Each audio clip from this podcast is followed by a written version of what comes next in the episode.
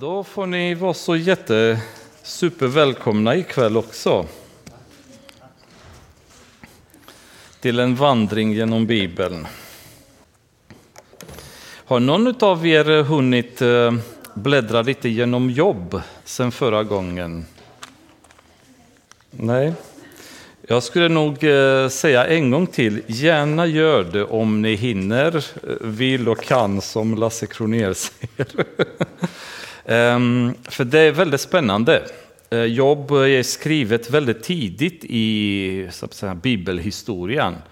Och det är en tid där mänskligheten var i sin linda, så det är väldigt intressant information som framkommer där som vi kommer ju gå fram och tillbaks till ett antal gånger när vi går igenom första Moseboken.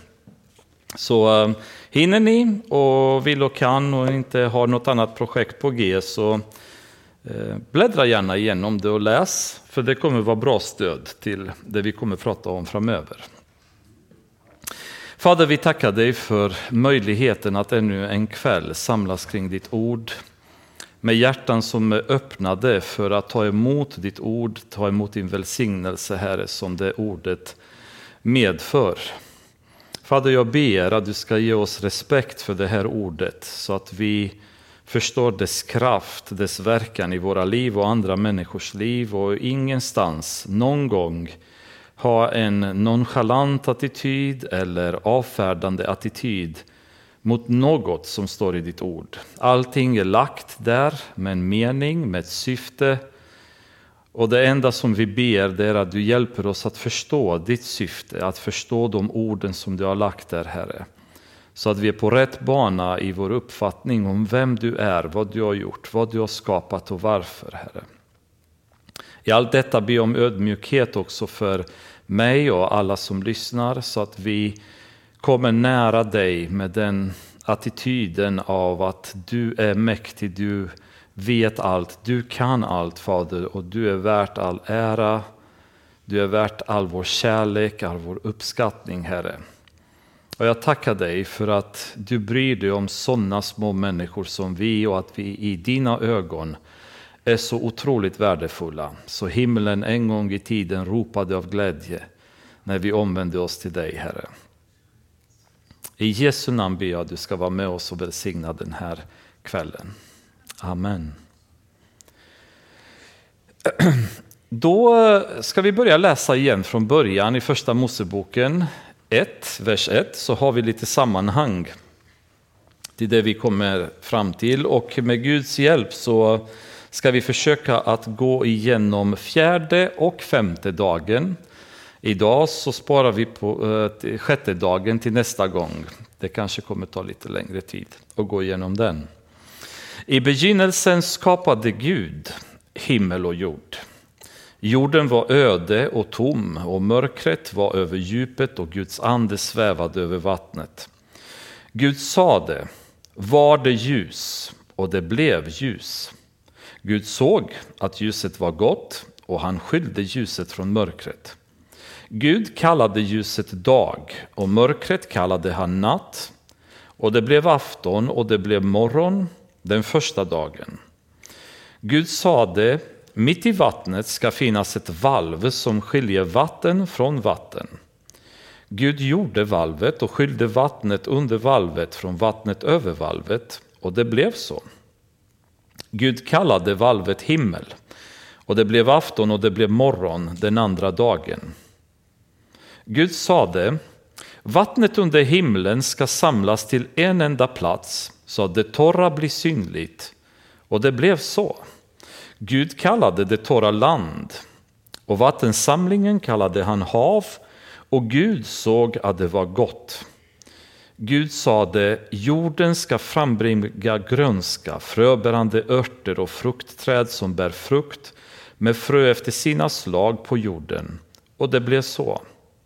Jorden frambringade grönska, fröbärande örter och efter sina slag och träd som bär frukt med frö efter sina slag. Och Gud såg att det var gott. Och det blev afton och det blev morgon den tredje dagen. Gud sade, på himlavalvet ska finnas ljus som skiljer dagen från natten. De ska vara tecken som utmärker högtider, dagar och år och de ska vara ljus på himlavalvet som lyser över jorden. Och det blev så.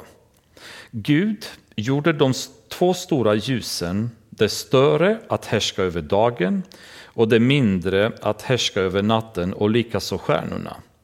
Han satte dem på himlavalvet till att lysa över jorden, att härska över dagen och natten och att skilja ljuset från mörkret.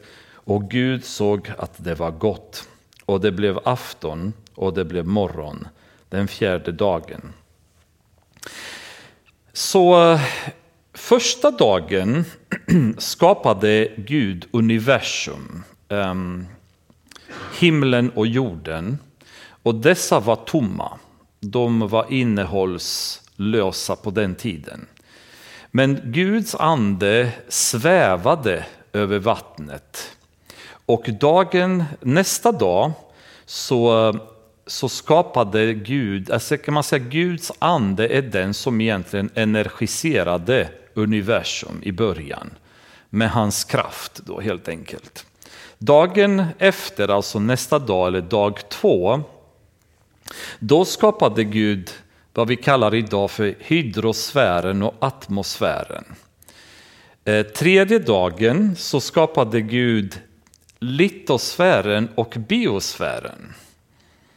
Och litosfären betyder jordskorpan, alltså ni kommer ihåg att vattnet lämnade att jorden reste sig ur vattnet så man skapade jordskorpan som började dela sig från vattnet och det blev jordmassa eller landmassa och så blev vattnet. Och så därefter så skapade man biosfären, det vill säga alla träd, alla planter, växter då på jorden. Ehm, och på fjärde dagen nu är något som är väldigt intressant, nämligen Gud skapar astrosfären. Alltså allt vi ser bortom ute i universum, i rymden. Alla stjärnor, alla galaxer, alla planeter, allting som finns där ute. Och redan här så har vi en megakrock med vetenskapen. Därför att enligt vetenskap så har jorden kommit mycket längre sen. Först så var det en Big Bang, en singularitet där någonting kom ur ingenting. Och den explosionen orsakade kedjereaktion som skapade galaxer, de skapade stjärnor, nebul nebuloser och så vidare. Och någonstans efter ett antal miljarder år sedan av den här processen vara pågående så kom jorden. Medans notera Bibelns ordning i skapelsen. Först skapade Gud jorden. Faktum är att Gud började till och med rusta jorden med atmosfär, med hydrosfär, med biosfär, med litosfär. Allting börjar rustas upp och sen på fjärde dagen så skapar Gud resten av universum, resten av galaxerna, stjärnorna, planeterna. Och det här är någonting som jag har aldrig någonsin tänkt på tidigare. För jag har konfronterats med den här diskussionen som en del säger, tror du att det finns annat liv i universum? Tror du att det finns utomjordingar. Extraterrestrial life, som man, man säger, någonstans där ute i universum kan det finnas en annan civilisation, kan det finnas liv någon annanstans. Och som en eh, kanske aningen ignorant kristen som inte har läst Bibeln ordentligt så kunde jag svara något i stilen att ja, Bibeln säger ingenting, men jag personligen tror inte det. Och jag är glad ändå att jag alltid har tillåtit att jag inte tror på det. Men den första delen var felaktig, att Bibeln säger egentligen ingenting. Här har vi någonting som jag tycker Bibeln säger väldigt tydligt. Centrum och fokuset i Guds skapelse är jorden. Allt annat är skapat runt omkring jorden. Och detta det är som ett, ett, ett ordentligt slag för en evolutionist eller en ateist eller en så kallad vetenskapsman. som tror bestämt att jorden kom betydligt senare i universums eh, skapelse. Medan i Guds värld så var jorden anledningen till att han skapade universum. Han gjorde det för jordens skull. Och vi ser varför sen var jorden och skapelsen så viktig framöver då. Men det intressanta är, det är jättefascinerande att förstå att, att allt annat runt omkring jorden är skapat efter. Så först var den här lilla planeten den enda som Gud hade skapat. Och det intressanta är också att när man tittar nu med teleskop med avancerad utrustning som vi har och penetrerar rymden till enorma avstånd. Vi hittar fortfarande inte ett tecken på liv någonstans. Och vår kunskap har avancerat jättemycket till att kunna analysera galaxer och solsystem i andra former Titta på huruvida det finns signal, alltså radiovågor eller någon slags ordnad kommunikation från någonstans i rymden som ska tyda på att det finns civilisation.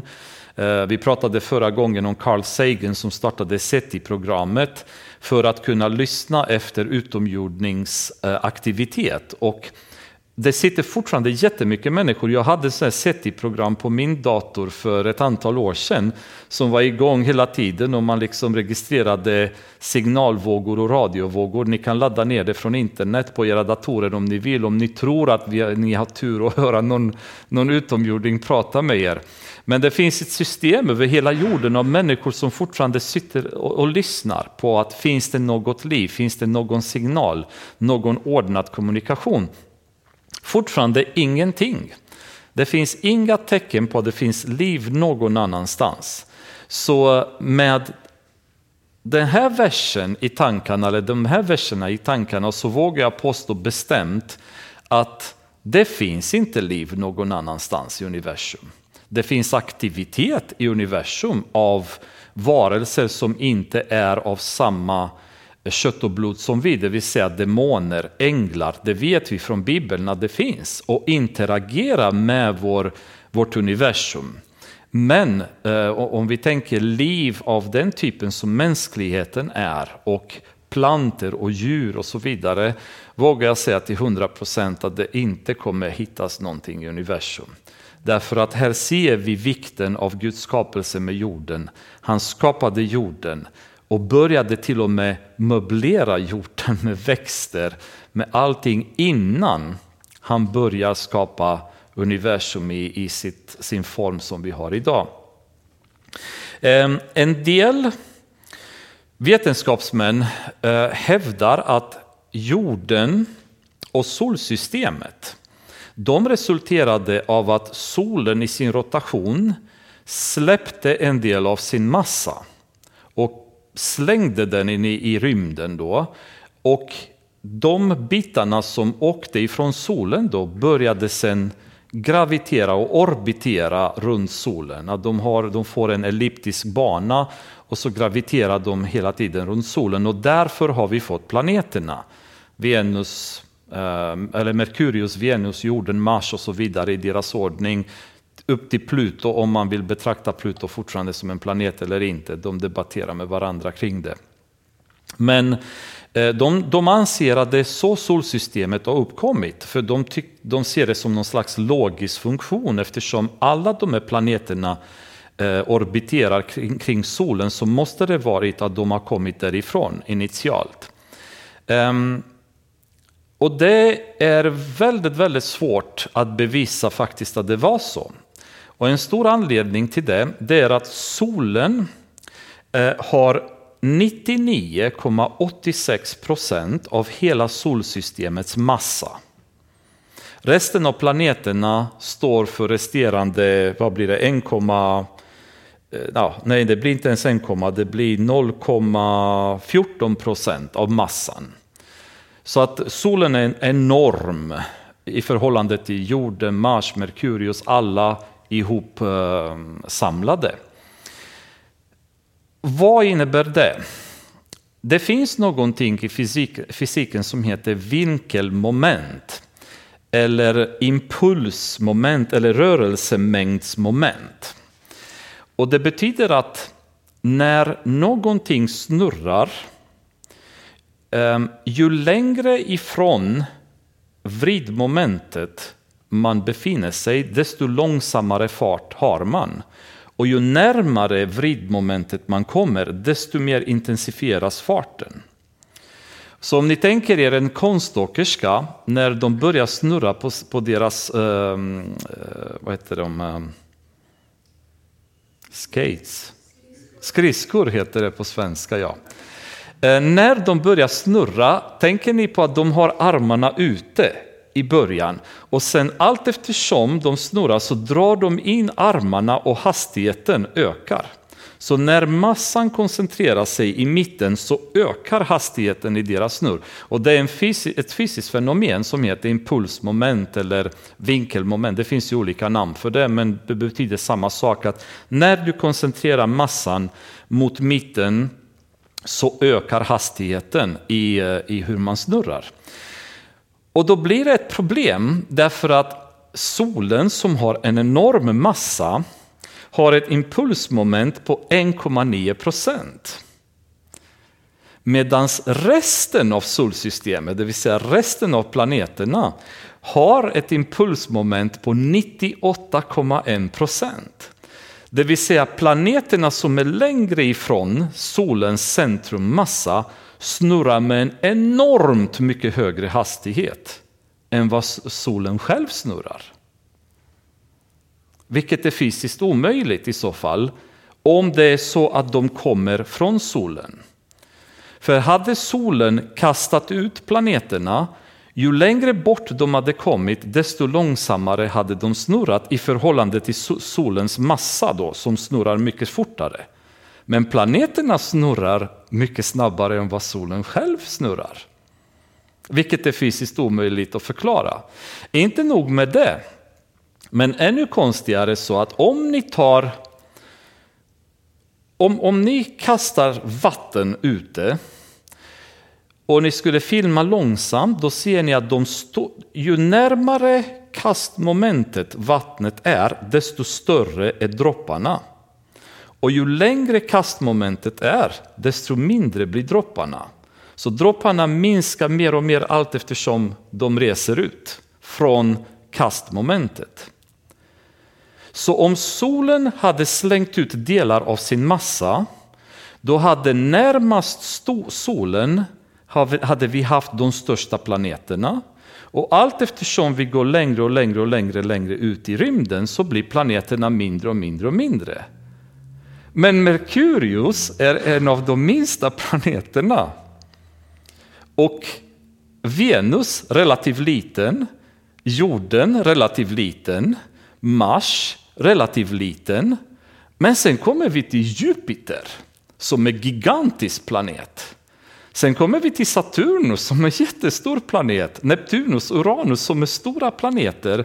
Så hur kommer det sig att de största har hamnat längre bort och de minsta har hamnat närmast solen? Det ger ingen vettig förklaring det heller hur det kunde ha hänt. Så hela den här teorin om att jorden och planeterna är en del av solen som har hamnat i en slags elliptisk bana runt solen fungerar inte. Jorden fanns innan solen skapades. Jorden fanns innan solen skapades. Går man ännu mer på djupet då kommer man se att det finns ett antal planeter som rör sig i systematiskt på samma sätt gentemot varandra men det, det är i förhållande till tre gentemot varandra och vi ska inte gå in på det men det är omöjligt att komma till den typen av elliptisk bana om alla skulle ha kastats ut ur solen samtidigt utan det tyder på att de har kommit någon annanstans ifrån och inte en del av solen. Det vill säga jorden har kommit först Sen har solen och solsystemet och universum kommit efter. Ganska så eh, så är så intressant att tänka på att återigen här så sitter människor som är ganska pålästa Astrofysiker som är prängda av kunskap och de permanent motsätter motsäger sina egna teorier bara för att tvinga in en slags skapelseteori eh, som inte involverar en gud. Och då blir det konstigare och konstigare förklaringar som bara eh, ser emot termodynamiska lagar, de ser emot eh, fysiska lagar av många andra typer som vi har, kemiska lagar till exempel och så vidare. Och det, det, finns liksom ingen möjlighet för dem att förklara någonting men de på något sätt antar att det måste ha hänt något sånt ungefär. Då. Eh, och det här, den här frånvarande av liv tycker jag det är jättefascinerande att den här planeten är en sån fantastisk eh, skapelse av mångfald och liv och växter och djur och kräldjur och havsdjur och så vidare. Men ingenting någon annanstans i universum existerar. Ingenting någon annanstans, utan allting finns här. Och de lyckas inte, de letar desperat, de har antaganden, de tror att det måste för annars vore det konstigt säger de. Men än så länge uppenbarligen ingen liv har de kunnat hitta. Ehm, så Guds skapelseordning, det vill säga att han har skapat jorden först, är största beviset för oss att hans intention med detta, det var att skapa en jord det var att skapa ett liv och på den jorden sen sätta kronan på, sin verk, på sitt verk, människan, som kommer vara skapad efter Guds egen avbild. Det var hans syfte med skapelsen.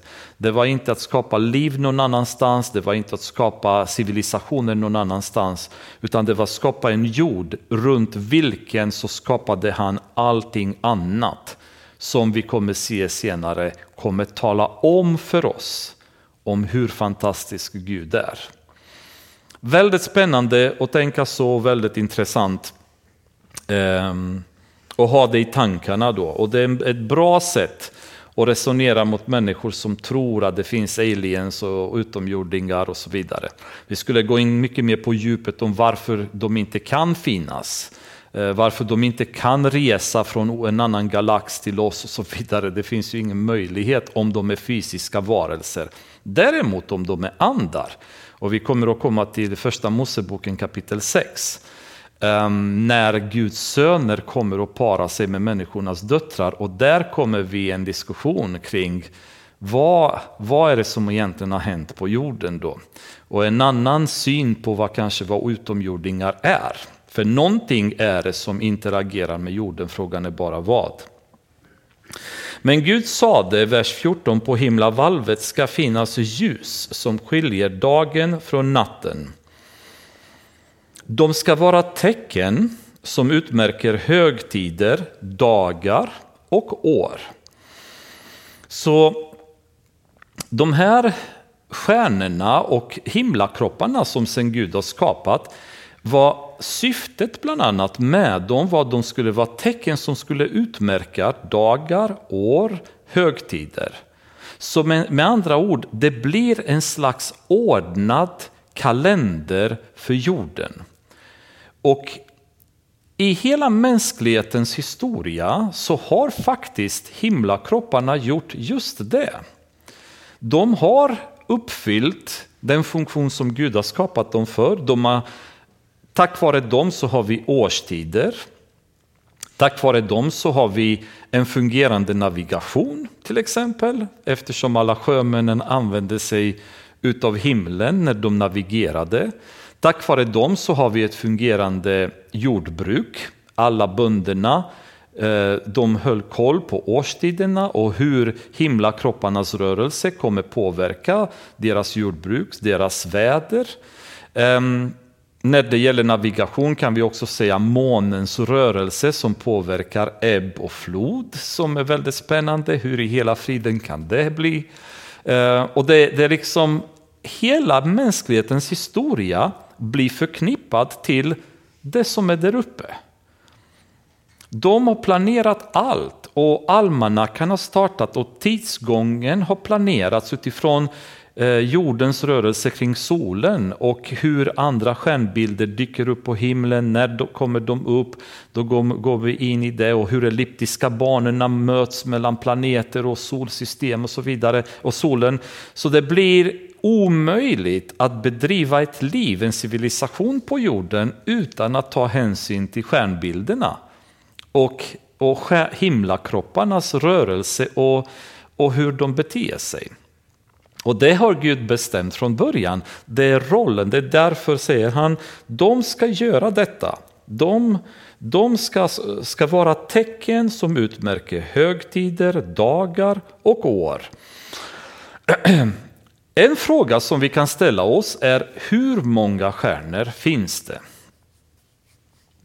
Och det är ingen som kan svara på det. Vetenskapsmännen det finns ju, säger det finns ju hundratals miljarder, andra säger det finns tusentals miljarder, annars, andra säger triljoner, andra säger kvadriljoner. Vi vet inte. Eh, vi har ingen aning, men många är de i alla fall. Det som är dock väldigt spännande det är att om vi går till psalm 147 och så tar vi vers 4. Då säger psalmisten så här. Han bestämmer stjärnornas antal. Och här är det intressanta. Han nämner dem alla vid namn. Så alla dessa miljarders miljarder stjärnor har Gud nämnt vid namn. Han har gett dem ett namn. Och frågan är varför?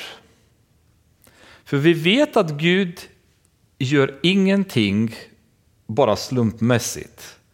Utan i allt som Gud gör så finns det ett syfte. Det finns en mening med det som Gud gör.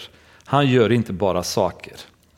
Och han valde att nämna alla dessa stjärnor med ett namn. Och då skulle jag vilja veta vad är de namnen?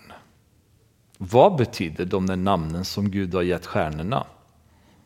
I Jesaja kapitel 40, vers 6, det är något liknande som vi kan läsa. Hör någon säger predika och en annan svarar vad ska jag predika? Allt kött är gräs och all dess härlighet som blommar på marken.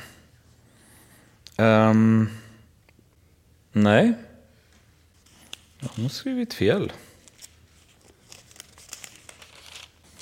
Ja, då får ni glömma Jesaja tills vidare. Eh, det måste ha varit en annan, ett annat kapitel. Mm. Eh, glöm det, jag skrev ju fel där.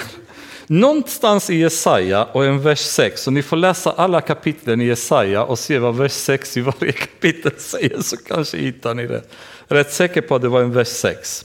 Men eh, det var något liknande vers där det stod att Gud nämnde alla vid namn. Då.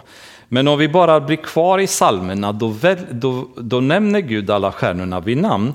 Och i psalm 19, då säger salmisten psalmisten så här, om vi läser från vers 1. Psalm 19, vers 1. Himlarna vittnar om Guds härlighet. Himlavalvet förkunnar hans händers verk. Dag berättar för dag, natt ger kunskap till natt. Utan tal, här är ju intressant, utan tal och utan ord, utan att man hör deras röst. Deras röst når ut över hela jorden, deras ord till världens ände. I himlen har han gjort en hydda åt solen, den liknar en brudgum som kommer ut ur sin kammare, den jublar som en hjälte över att löpa sin bana. Jag har alltid tänkt på den här versen tidigare som en slags metafor, metaforisk vers där man tittar på himlen, man ser hur vackert det är och det på något sätt förklarar Guds härlighet. Men om man stannar lite längre vid det här att de talar till oss fast utan ord. Då. När man börjar fördjupa sig lite mer när det gäller himlavalvet och, och rymden. Och till viss del så har jag under en period varit ute mycket med teleskop och skådat själv. Um, lärt mig väldigt många utav stjärnbilderna på himlen, olika stjärnor, positioner, nebuloser och så vidare.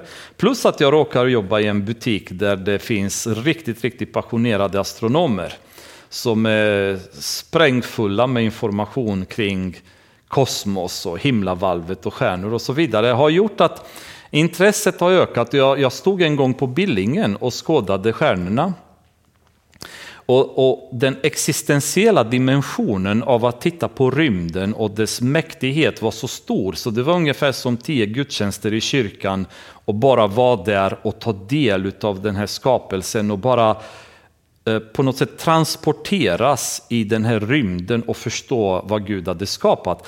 Det är ganska spännande sen att, tänka på att väldigt ofta i Bibeln så har himlen använts som någonting som deklarerar Gud Eh, för oss. Då. Om, om man tänker lite grann på lite djupare plan så finns det, hela himlen är indelad i olika typer av stjärnbilder då, som går långt, långt, långt bak i tiden. Och de här stjärnbilderna de benämns på olika sätt. De är strukturerade på olika sätt. Och tolv av dem råkar befinna sig i en motsvarande elliptisk bana som jorden, det vill säga de dyker upp och syns mer eller mindre hela tiden. Om man börjar gå till botten av de namn som de här stjärnbilderna har och deras huvudstjärnor, det vill säga de starkaste stjärnorna som de här stjärnbilderna har på hebreiska, så är det väldigt spännande att se vilka namn som dyker upp. Och vad de namnen kan betyda eh, för oss kristna idag när det gäller frälsningsprocessen. Och jag kommer inte gå in på det, men jag kommer säga bara som en sån här eh, smakprov, om ni vill, kan och orkar så är det värt att titta på det. Ehm, man ska vara försiktig och inte gå in i astrologi och konstigheter och sådana saker, för det är väldigt lätt när man börjar titta på sånt att man spårar ur. Men samtidigt så utifrån ett bibliskt perspektiv så är inte de här himlakropparna skapade utan anledning. Gud förmedlar ett budskap till oss och utan någon anledning har Gud gett dem ett namn. Och då är det frågan, kan det vara så att Gud har till och med kommunicerat det namnet till de första människorna, till Adam, till Eva. De har ju spenderat väldigt mycket tid med varandra och pratat med varandra. Vad har Gud berättat för dem? De här människorna var inte trogloditer som bodde i en, en, en eh, vad heter det, i en eh, grotta någonstans och åt maskar. Utan de här människorna var högintelligenta människor som Gud hade skapat och som han hade gett direkt information till. Och det tyder, allting tyder på att mänskligheten från Adam och Eva till floden eh, innehav en, en, en enormt stor intelligens. Till sån nivå när de började bygga Babeltornet så säger Gud vi måste stoppa dem, annars är det risk. Så intelligenta var de, så avancerade i sina kunskaper var de på den tiden. Eh, och sen efter floden så började allting gå ut för ännu mer då och så, så intelligensen minskade, människorna levde mer och mer primitivt till och med i många fall. Eh, men till floden så tyder väldigt mycket på att människan var högst intelligent. Och Noa levde väldigt nära Seth som var Adams barn. Så Seth var fortfarande vid liv när Noa var igång. Så att han hade andra leds information kan man väl säga. Nej förlåt, jag tror Noas pappa var det Lamech som levde samtidigt som Seth levde fortfarande. Så Lamech kunde pratat med Seth, Seth kunde pratat med Adam. Så att informationen från Adam till Noa var väldigt kort. Det var inte tusentals år som hade gått och människorna var tvungna att prata med varandra. Utan eftersom de levde så många hundratals år så gick informationen väldigt snabbt från Adam till Noa. Kunskapen fördes vidare väldigt lätt. Så det intressanta är att fördjupa sig lite mer i möjligtvis vad skulle de namnen ha betytt? Vilket budskap skulle de namnen ha gett oss om vi hade kunnat namnen idag? Men kommer vi kunna dem någon gång? Det vet jag inte. Men intressant och, och bara och lite kittlande tanken kring det. Men de här himlakropparna påverkar väldigt mycket eh, det som händer på jorden då. Och även själva fortplantningssystemet hos djur och um, alla kräldjur och insekter, allting hänger på årstiderna och hur jorden rör sig i förhållande till de här himlakropparna. Ganska spännande när man tänker så. Att Gud har skapat dem med den meningen. Om vi går till Jobb, kapitel 38. Vi kommer dit, ni ser. Kapitel 38. Och så kan vi, egentligen hela kapitel 38 borde vi läsa, men eh, det överlåter jag till er att göra det, så att ni får en mersmak. Eh, men vi kommer i princip fokusera på vers 31. Ni vet att Job ifrågasatte Gud, han klagade väldigt mycket, han hade jättejobbigt. Ehm, och när Gud nu svarar jobb, vi gick igenom några andra grejer förra gången som Gud svarade jobb, men nu går vi till vers 31 och Gud säger så här till jobb. Kan du knyta samman sju stjärnornas knippe eller lossa Orions band? Sju stjärnorna det är vad vi kallar idag för Plejaderna, eller sjusystrarna. systrarna. och Gud frågar jobb en väldigt intressant grej. Han säger, kan du knyta ihop Plejaderna? Eller kan du lossa Orions band, alltså Orion som är stjärnbilden som vi ser på samma sätt idag, Orion. Men varför säger Gud det? Det är ju lite spännande. För det är ju så här att när vi tittar på himlen och vi ser stjärnbilder, vi ser Cassiopeia, vi ser Pegasus, vi ser Hydra och så vidare. Jag vet inte om någon av er är insatt eller tittat upp och försökt att lära sig stjärnbilderna. Men jag skulle rekommendera att ni gör, för det är väldigt kul. Men i alla fall, när man tittar på de olika stjärnbilderna, de här stjärnbilderna de sitter inte ihop, utan avståndet mellan stjärnorna i stjärnbilden kan vara enormt stort. Det kan vara många, många ljusår emellan. Men vi ser dem tvådimensionellt och därmed så, så ser de ut att vara en stjärnbild. Med undantag för två. Orion och Plejaderna är de enda två stjärnbilderna där stjärnorna som formar stjärnbilden är gravitationsmässigt kopplade till varandra. Det vill säga, de hör till. De är inte jättelångt ifrån varandra på det sättet så de inte har någon kontakt med varandra.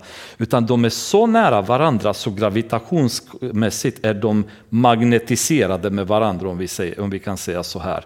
De hör till. Och Gud säger till, till Jobb, han säger kan du knyta samman sju stjärnornas knippe, det vill säga kan du få dem ihop gravitationsmässigt så att de håller ihop?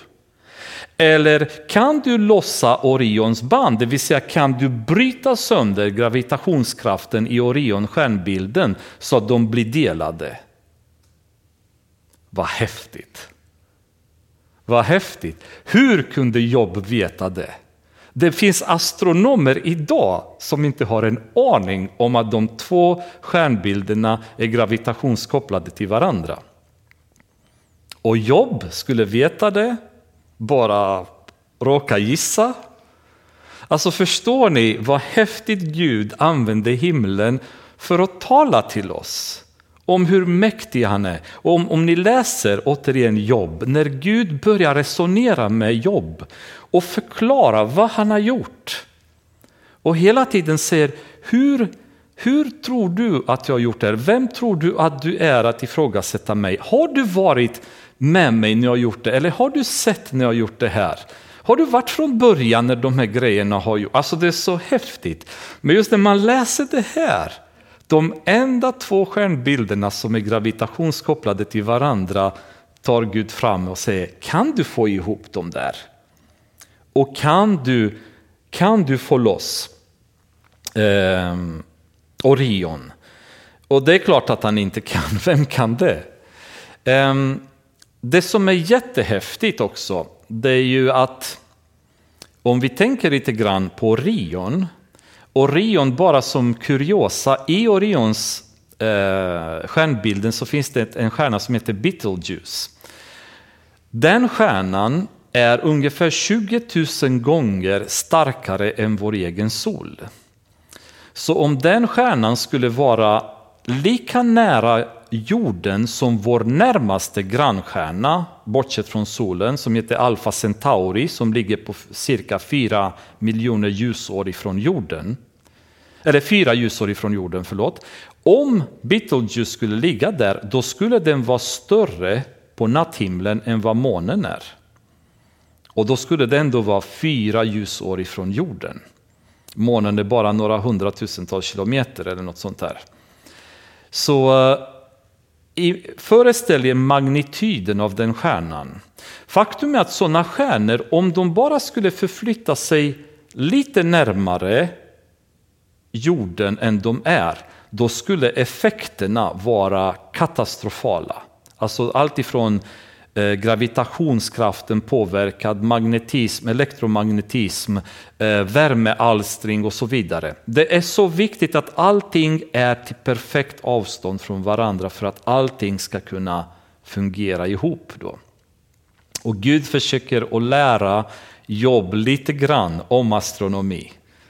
Eh, kan du göra detta? Kan du få ihop de här? Kan du lossa bandet i Orion?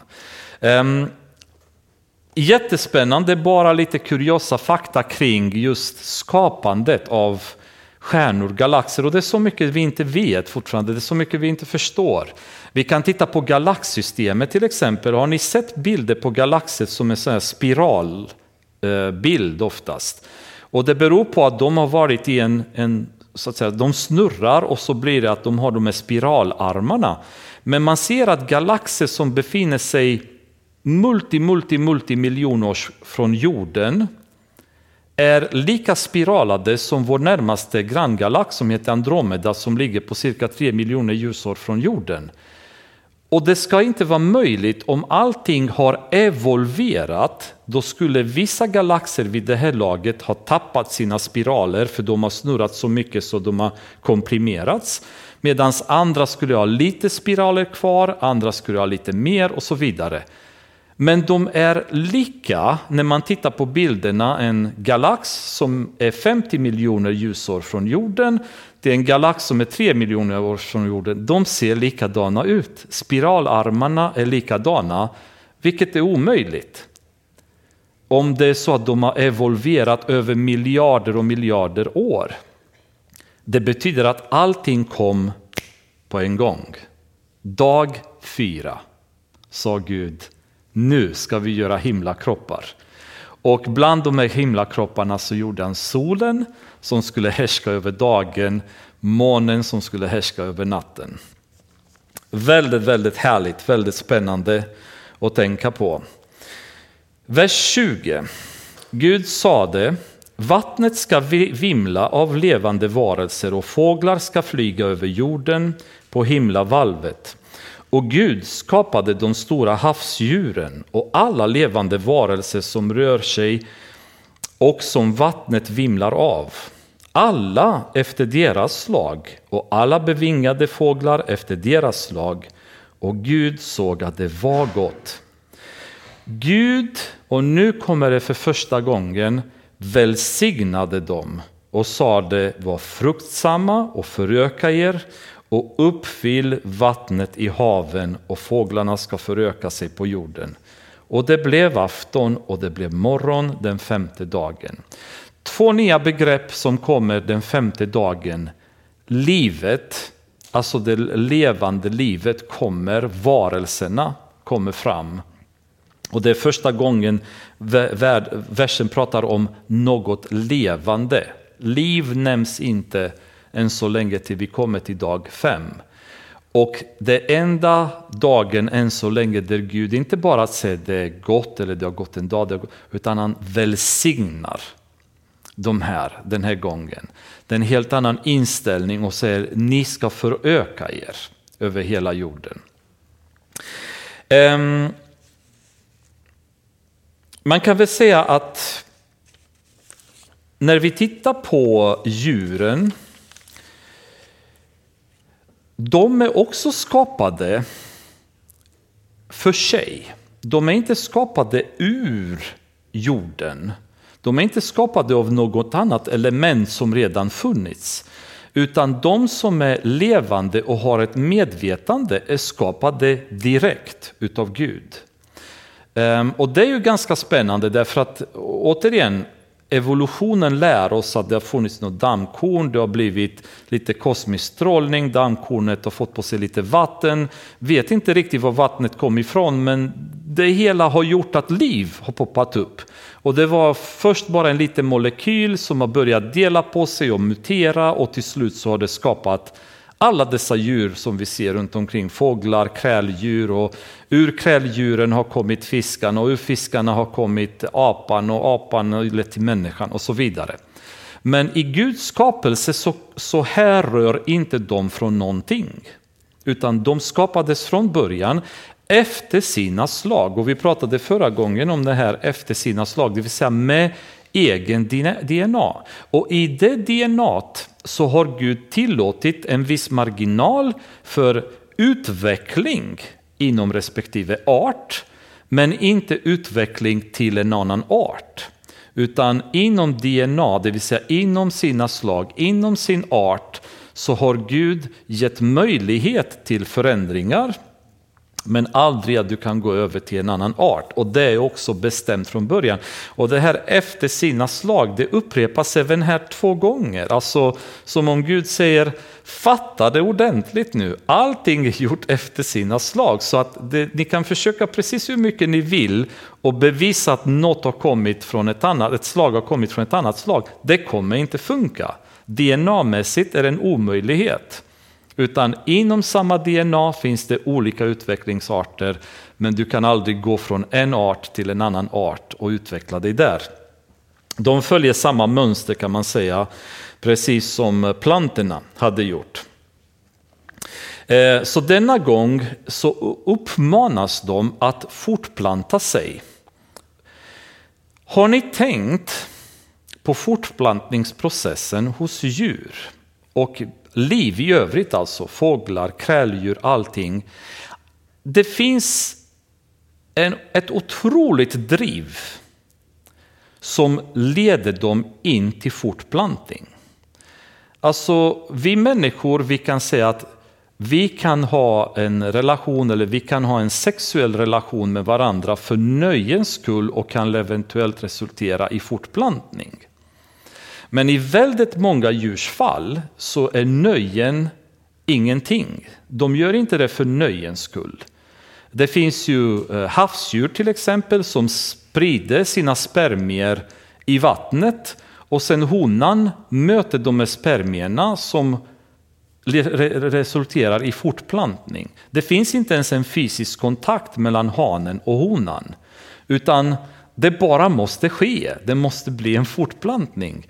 Och alla, alla djur, alla fåglar, alla insekter, alla har den här enorma drivkraften till fortplantning.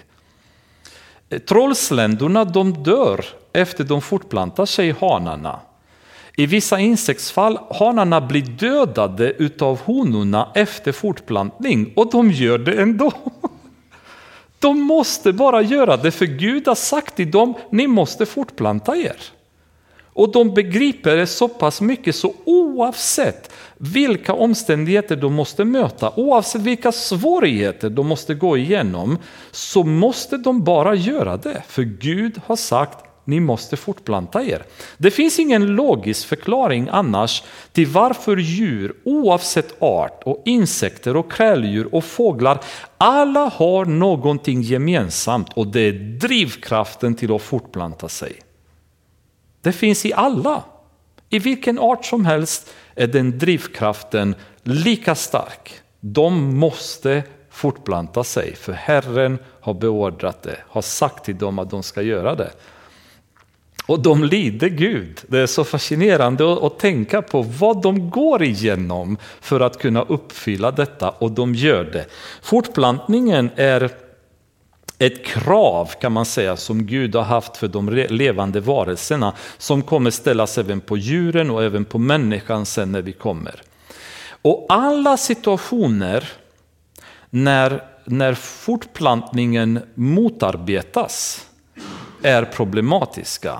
Så när vi ska propagera för aborter, då kan jag säga att det kommer inte från Gud det där.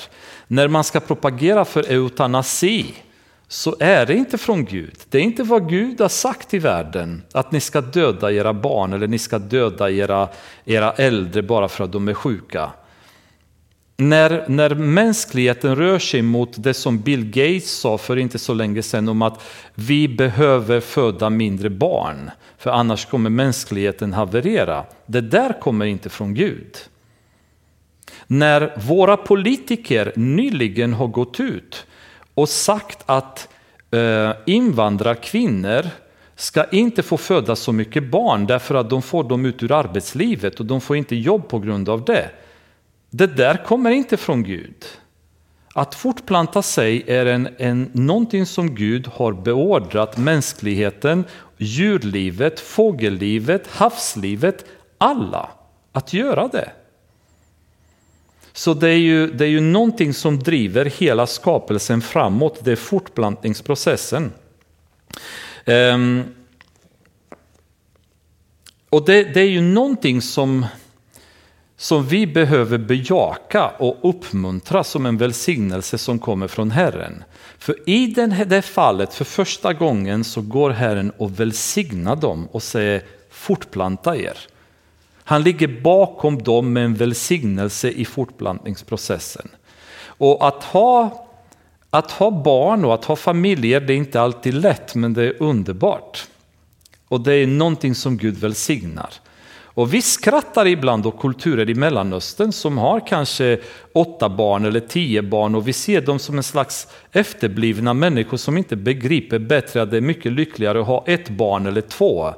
Men jag vågar påstå att de här människorna lever mycket närmare Guds påbud än många av oss gör här och har lyckliga liv och har underbara familjer som de är glada över, som ger dem välsignelser i deras liv. De är kanske mycket fattigare än vi är, de lever kanske mycket sämre än vi gör, men de lider Guds bud och har ett lyckligt liv. Och det, det, är en välsignelse som Gud ger till de som fortplantar sig. Han ligger bakom detta med en välsignelse. Så det som har hänt dag fem, det är ju att livet i, på himlen, det vill säga fåglarna, och livet i havet har skapat även de stora havsdjuren som det står. Och ordet på hebreiska när man pratar om de stora havsdjuren, det är ett, ett ord som heter tannin som betyder drakar. Och det är intressant för det är ju oftast i samband med drake det ordet används i gamla testamentet och det kan leda våra tankar till dinosaurietiden. De stora havsdjuren kanske, i något, något, ehm, någon översättning tror jag det stod till och med havsmonster. Så det, det är enorma eh, tidiga djur som fanns i havet som Gud skapade då dag fem. Och exakt vilka de var och hur de såg ut, det vet vi inte. Många av dem har försvunnit och inte setts till efter floden eller minskats genetiskt på grund av att atmosfären på jorden har blivit annorlunda. Det kommer vi kanske längre fram till. Men det, det skedde dag fem där hela den här skapelsen av fåglar och havsdjur inleddes. Så det, det vi möter i de här två dagarna, det är himlakropparna, det är havsdjuren och det är väldigt häftiga skapelser. Vi skulle kunna gå mycket djupare kring, kring himlakropparna, bland annat betydelser av planeten Mars för jordens historia och så vidare. Men det jag skulle vilja säga är att tyvärr så blev det så att den här skapelsen, som psalmisten i psalm 19 säger att det var gjort för att vi ska förstå Gud och hans majestät, blev istället till ett ett dyrkande objekt för människorna. Så människorna som var så fascinerande över den här skapelsen började dyrka himlakropparna, dyrka solen, dyrka månen, dyrka stjärnbilderna och till och med dyrka fåglarna och kräldjuren och havsdjuren. Så det som var skapat till att belysa Guds majestät förvandlades till ett dyrkande objekt för människan sen när synden kom i världen. I andra Moseboken så säger, eh, säger Mose när han talar till folket i kapitel 20. Eh, nu öppnade jag till femte Moseboken så då har det varit en vers ni inte hade förstått varför jag läser det igen. Eh, Andra Moseboken kapitel 20, vi kan läsa från vers 1.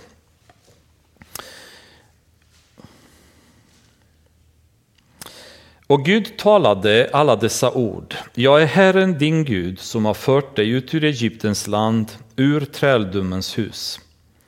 Du ska inte ha andra gudar vid sidan av mig. Du ska inte göra dig någon bildstod eller avbild av det som är uppe i himlen eller nere på jorden eller i vattnet under jorden.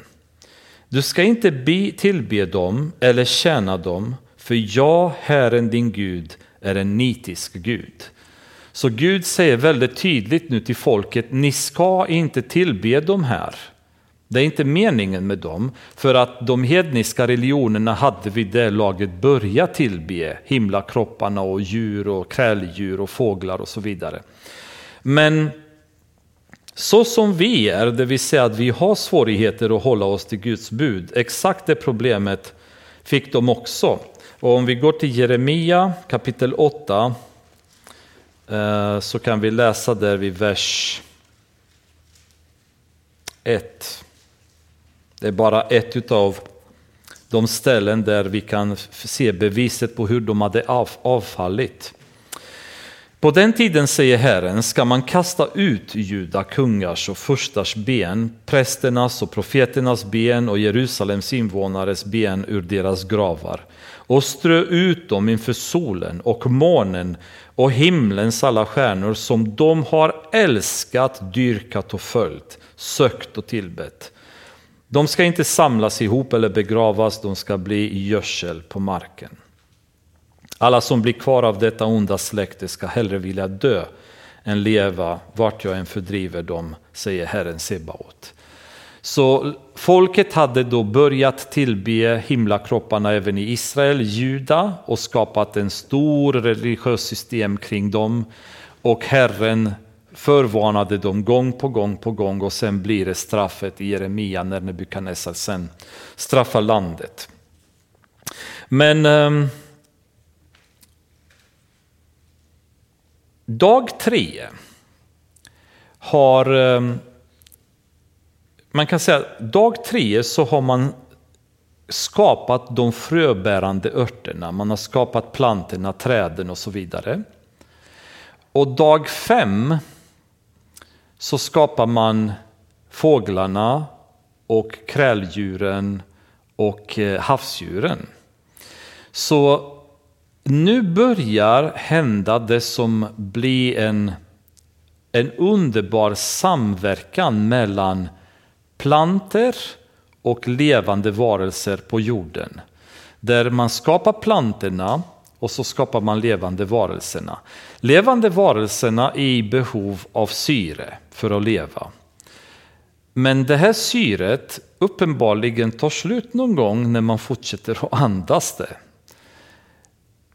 Men för att syret inte ska ta slut så skapar Gud plantorna som konsumerar eh, det koldioxid som kommer från levande varelserna och tillverkar nytt syre hela tiden. Och skapar en underbar samverkan i skapelsen mellan vatten, planter, djurliv, himlakroppar. Allting börjar samverka och skapa en perfekt balans. Och jag pratade lite med Pelle innan mötet också och det, det intressanta är att det är väldigt mycket snack just nu och det har varit länge om vikten av biologisk mångfald. Hur viktigt det är att inga arter försvinner. Alltså folk, hörde ni om fabriken i Mariestad? Det finns en chans att det finns en vattensalamander i området där batterifabriken ska byggas. De har inte hittat någon, men de har hittat DNA-spår av en vattensalamander som är utrotningshotad. Och allting är lagt på is tills de får reda på vad är det, finns det någon vattensalamander här eller inte? Så viktigt tycker vi är med biologisk mångfald. Vi vill inte ta död på vattensalamanderna, vi stoppar hellre ett batterifabrik för att rädda vattensalamander. Vår största rädsla när vi skulle börja bygga nya butiken var att vi inte skulle hitta någon sällsynt grodart på marken där som skulle gjort att vi inte kan bygga någonting. Så viktigt är det för myndigheterna, för människorna att djurlivet preserveras i den form det är för biologiska mångfalden är viktig. Vi behöver alla djur vi har, vi behöver alla insekter vi har, vi behöver allt liv som vi har. Det är vi mer eller mindre överens om allihopa. Men om det är så att det är så farligt om en art försvinner, vilket jag tycker att det är. Gud har skapat allting i en perfekt balans och när vi rubbar den balansen så blir det problem någonstans. Men om det är så farligt att en art försvinner, hur kan vi tro på evolution? För evolutionen säger att du, om du är svag nog och inte hänger med så försvinner du. Och det är helt okej. Okay. För hela evolutionen baseras på att den starkast rustad överlever och trampar sönder och förstör alla de andra. Det vill säga vi människorna som har blivit starkaste, smartaste, vi har rätt att ta död på precis allt vi vill runt omkring oss. För det är det hela evolutionssystemets tanke. Och evolutionen säger att det, det kommer hela tiden något nytt.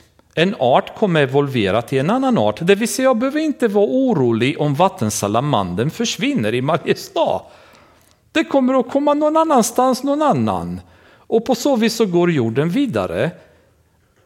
Men samma människor som tror på evolution går i hysteriskt sammanbrott av risken för att en vattensalamander kan dö av batterifabriken i Mariestad. Hur funkar evolutionen i det fallet? Istället för att säga låt det vara, vad spelar det för roll?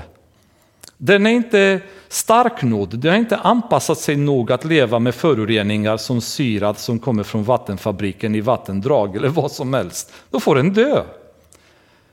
Så förstår ni idiotin bakom hela evolutionsteorin? Det funkar inte. Hur vi än resonerar så kommer vi fram till att det är en, ett, en återvändsgränd som man hela tiden hamnar i och man inte kommer ifrån.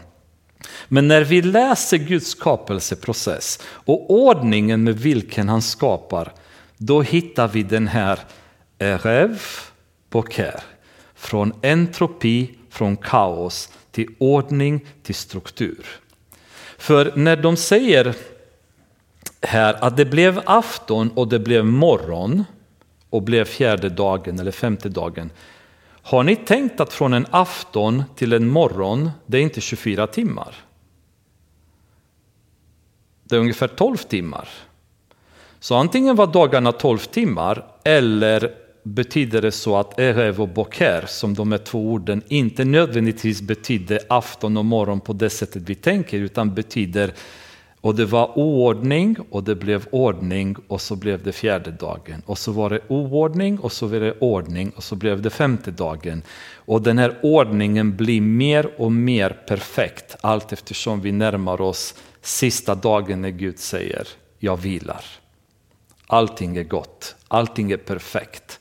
Och det är jättefascinerande att förstå och då är det självklart så att vi ska göra allt vi kan att inte förstöra den här balansen som Gud har skapat och behålla det för det är gott, säger Gud. Men tror vi på evolution, då kan vi göra vad vi vill. Det finns inget gott, det finns inget ont. Det är bara den som är starkast överlever och den som är svagast, hej då. finns inget annat. Så eh, vi avslutar här ikväll och hoppas att eh, det blev några grejer som ni känner lust inför att fördjupa er lite mer kring, för det är värt, det är väldigt spännande att förstå. Ehm, har ni väldigt mycket, mycket tid och är väldigt duktiga på engelska så rekommenderar jag Eh, två böcker som Emanuel Vilakowski har skrivit. Eh, det, står, det heter Worlds in Collision, eh, bland annat, där mycket diskussioner är kring den här skapelseprocessen och hur planetrörelserna påverkar systemet och så vidare på en nivå som är ganska avancerat men spännande. Det behöver inte betyda att det är rätt men det är intressanta synpunkter att ta del av. Men eh, om inte så hoppas jag att ni har fått lite svar på en del saker som eh, ni kan använda också i diskussioner med andra människor och frågor de ställer för att kunna förklara varför vi tror på det vi tror. För det är hela meningen med detta. Vi ska vara rustade att kunna förklara för andra människor varför har vi den här tron. Fader, jag tackar dig för ditt ord. Tack för allt som du hade som vi kunde fördjupa oss i. Jag ber att du ska låta de här orden vila i våra hjärtan och ge frukt. Jag ber väldigt mycket om att frukt ska kunna synas i våra liv, Herre, för efter frukt kommer vi bedömas. Jag ber att det inte ska vara bara någon slags akademisk diskussion vi har här på söndagskvällarna, utan att det är en, en fördjupning i det du är och välsignat av din heliga Ande, Fader.